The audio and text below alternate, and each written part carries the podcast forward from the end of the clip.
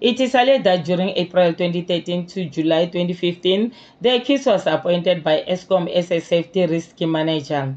During the same year, she was also a director of Montosa Engineering and Project 9, whereby the company was rendering services to Eskom.